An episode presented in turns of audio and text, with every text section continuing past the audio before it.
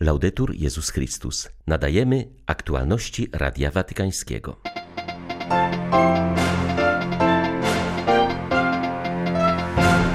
Papież odwiedził siedzibę Radia Watykańskiego i L'Osservatore Romano. Musicie docierać do ludzi i konfrontować się z rzeczywistością, mówił Franciszek do watykańskich dziennikarzy. Święty Dominik łączył głoszenie Ewangelii z posługą miłości. Przypomniał papież w liście do generała Dominikanów z okazji 800. rocznicy śmierci założyciela tego zakonu. Włosi są w szoku po wczorajszej katastrofie kolejki linowej, w której zginęło 15 osób. Nie można mówić o nieszczęśliwym wypadku, kiedy zaniedbuje się serwisowanie, podkreśla biskup diecezji Nowary. 24 maja witają Państwa ksiądz Krzysztof Ołdakowski i Łukasz Sośniak. Zapraszamy na serwis informacyjny. Papież Franciszek złożył wizytę w historycznej siedzibie Radia Watykańskiego Palazzo Pio, w którym od ubiegłego roku mieszczą się również redakcje L'Osservatore Romano. Papieska wizyta jest związana z 90-leciem Radia Watykańskiego i 160-leciem L'Osservatore Romano. W redakcji watykańskiego dziennika jego redaktor naczelny przedstawił papieżowi szkice najnowszego numeru, który ukaże się dziś po południu. Andrea Monda wyjaśnił Franciszek w jaki sposób jest redagowany krok po kroku watykański dziennik. Papieżowi zostało też zaprezentowane polskie miesięczne wydanie L'Osservatore Romano. Franciszek zatrzymał się następnie na krótką modlitwę w kaplicy Palazzo Pio, skąd nadawane są radiowe msze, przede wszystkim do krajów, gdzie wierni ze względu na prześladowania czy uwarunkowania geograficzne mają utrudniony dostęp do sakramentów. Za czasów komunizmu stąd były nadawane również msze w języku polskim. Przechodząc do pomieszczeń Radia Watykańskiego, Franciszek gościł w studiu, skąd nadawany jest na żywo poranny program w języku włoskim. Dziękuję za Waszą pracę, za to, co robicie. Mam tylko jedną obawę. Ile osób słucha radia, a ile czyta L'Osservatore Romano? Ponieważ nasza praca polega na docieraniu do ludzi. Istnieje bowiem niebezpieczeństwo dla wszystkich organizacji. Niebezpieczeństwo, że organizacja jest piękna, praca jest piękna, ale nie dociera tam, gdzie powinna. Trochę jak w przysłowiu o górze, która rodzi mysz. Każdego dnia stawiajcie sobie to pytanie, do ilu ludzi docieramy. Do ilu ludzi dociera przesłanie Jezusa poprzez L'Osservatore Romano? To jest bardzo ważne. Bardzo ważne. Na zakończenie spotkania w siedzibie watykańskich mediów Franciszek spotkał się z przedstawicielami wszystkich redakcji Radia Watykańskiego. Papież wyraził zadowolenie z tego, co zobaczył w Palazzo Pio, jak dobrze została zorganizowana współpraca watykańskich mediów w jednym budynku. Wyraził jednak troskę o to, by ten wielki, skomplikowany system dobrze teraz funkcjonował. Wielkim wrogiem dobrego funkcjonowania jest funkcjonalizm. Na przykład ja jestem szefem jakiejś sekcji, sekretarzem, ale mam siedmiu podsekretarzy i zawsze wszystko jest w porządku. Kiedy ktoś ma jakiś problem, idzie do podsekretarza, by temu zaradził, a tam poczekaj chwileczkę, potem ci odpowiem, jak zadzwoni do sekretarza. To niczemu nie służy. Funkcjonalizm jest zabójczy. Wprawia instytucję w letarg i ją zabija. Uważajcie, by w to nie wpaść. Kiedy coś jest funkcjonalne, pomaga w kreatywności. Wasza praca powinna być kreatywna. Zawsze musicie wychodzić dalej, być kreatywni. Wtedy jest to funkcjonalne. Ale jeśli jakaś praca jest jedynie dobrze zorganizowana, to na koniec zostaje zamknięta w klatce. Bo żeby taka struktura mogła być funkcjonalna, potrzeba, by każdy miał wystarczającą wolność, by funkcjonować, by mógł ryzykować, a nie prosić wciąż o kolejne pozwolenia. To paraliżuje. Funkcjonalność, ale nie funkcjonalizm. Zrozumieliście? Idźcie naprzód i bądźcie odważni. Papież pokazał nam, że rocznicę trzeba zawsze przeżywać, będąc wpatrzonym w przyszłość, a nie wstecz. Powiedział po wizycie Franciszka w siedzibie watykańskich mediów prefekt dykasterii do spraw komunikacji. Paolo Ruffini zauważył, że wyzwaniem, które papież postawił watykańskim dziennikarzom, jest też kreatywność i wolność w ramach pełnionej misji. Mamy mieć odwagę w obliczu rzeczywistości, która jest dla nas wyzwaniem. W L'Osservatore Romano papież powiedział: Przyjmujcie ciosy od rzeczywistości. Ta rzeczywistość stawia nas w trudnej sytuacji. A zatem mówiąc, przyjmujcie ciosy, papież chce powiedzieć to samo, co w swym tegorocznym orędziu do mediów. Idźcie, by zobaczyć. Pozwólcie, by rzeczywistość do was przemówiła. Niekiedy w sposób dość twardy, zadając nam ciosy. To tę rzeczywistość musimy przemieniać. To jest wyzwanie dla środków komunikacji.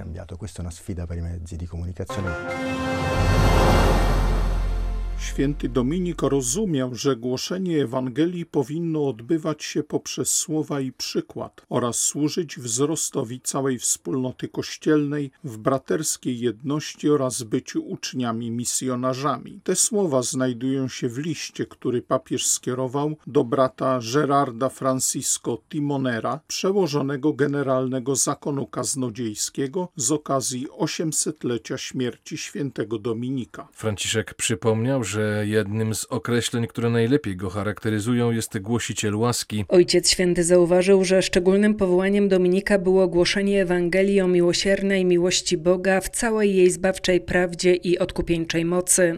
Już jako student wskazywał na nierozłączność wiary, prawdy i miłości, uczciwości i współczucia. Podczas Wielkiego Głodu potrafił sprzedać swoje cenne książki, aby odpowiedzieć na potrzeby cierpiących i umierających. Trzeba, aby zakon kaznodziejski stanął na czele odnowionego głoszenia Ewangelii, zdolnego przemówić do serc ludzi naszych czasów, napisał Ojciec Święty. Franciszek zwrócił uwagę, że prawdziwie synodalny styl działania pozwolił zakonowi dostosować misję do zmieniających się warunków historycznych, zachowując równocześnie braterską komunię. To świadectwo ewangelicznego braterstwa pozostaje podstawowym elementem dominikańskiego charyzmatu i filarem za zaangażowania zakonu w promocję odnowy życia chrześcijańskiego i szerzenie Ewangelii w naszych czasach. Papież Franciszek wzywa do modlitwy za chrześcijan w Chinach. Dziś przypada bowiem Światowy Dzień Modlitwy w tej intencji. Ustanowił go Benedykt XVI w dniu, kiedy chińscy katolicy pielgrzymują do sanktuarium maryjnego w Szeszan. W święto błogosławionej dziewicy Maryi, wspomożycielki chrześcijan, Módlmy się wspólnie za naszych braci i siostry w Chinach. Niech Duch Święty pomoże im być zwiastunami radosnej nowiny, świadkami miłości oraz budowniczymi sprawiedliwości i pokoju w ich ojczyźnie – napisał papież na Twitterze. Tymczasem sytuacja wyznawców Chrystusa w tym kraju stale się pogarsza. Świadectwem tego jest inicjatywa kardynała Charlesa Bo, przewodniczącego Federacji Episkopatów Azji, który wezwał, by doroczny Dzień Modlitwy za Kościół w Chinach rozciągnąć na cały tydzień do 30 maja. Nie można mówić o nieszczęśliwym wypadku, kiedy zaniedbuje się serwisowania i troskę o zachowanie w dobrym stanie tych urządzeń, mówi Radiu Watykańskiemu biskup Franco Giulio Brambilla. To na terenie jego diecezji Nowary wydarzyła się wczoraj katastrofa kolejki linowej, w której zginęło 15 osób. Jest to tym bardziej bolesne i nie do przyjęcia, jeśli weźmiemy pod uwagę, że w tym wypadku zginęły również dzieci, dodaje włoski biskup. Podkreśla on, że we Włoszech za mało inwestuje się w serwisowanie obiektów użytku publicznego. Skupiamy się na wielkich inwestycjach, a serwisowanie się zaniedbuje, mówi biskup Brambilla. Nie mam słów, nie może tak być, by w ten sposób kończyła się pierwsza niedziela po blokadzie, kiedy ludzie mogli nareszcie spełnić swe marzenia i spędzić wolny czas w tym cudownym miejscu. Chcemy, by reguły i kontrole bezpieczeństwa były bardziej surowe. Jesteśmy oczywiście blisko rodzin, które ucierpiały w tym wypadku.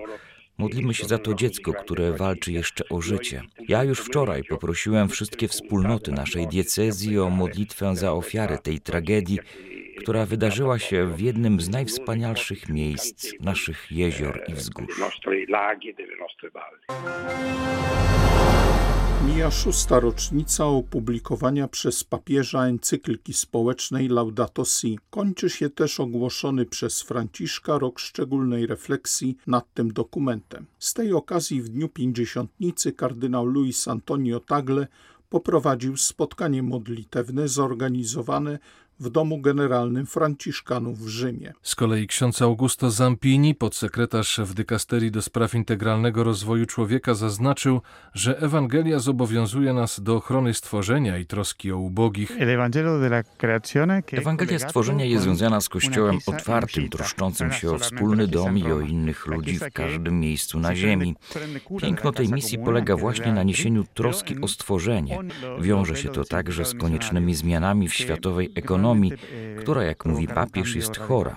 Laudato Si to nie tylko dokument do przeczytania, ale podręcznik do działania. To działanie musi zostać zrealizowane szybko, bo nie możemy dłużej niszczyć naszej planety. Nie wystarczy zmiana naszego stylu życia. Konieczna jest także naprawa struktur ekonomicznych, które są chore i wymagają reformy.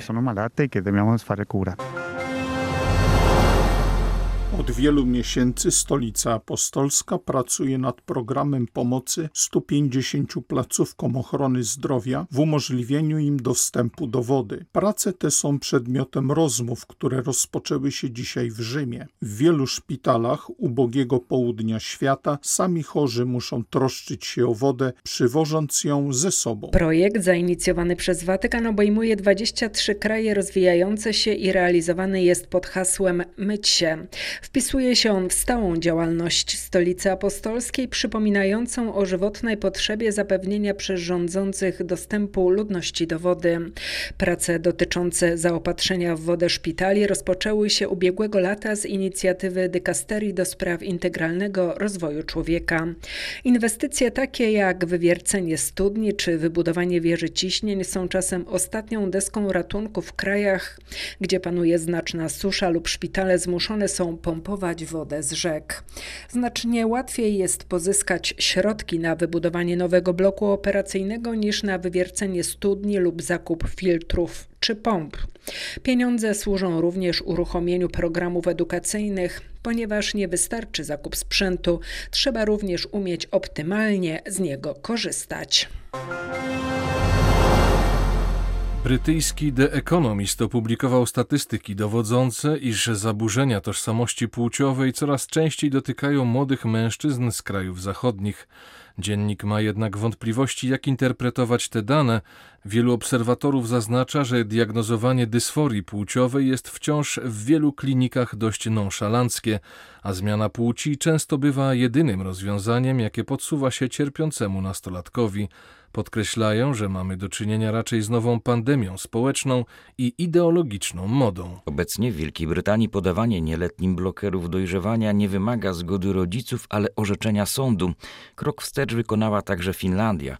W czerwcu 2020 roku zrewidowała swoje wytyczne dotyczące dysforii płciowej, wskazując jako właściwszą terapię psychologiczną niż zmianę płci.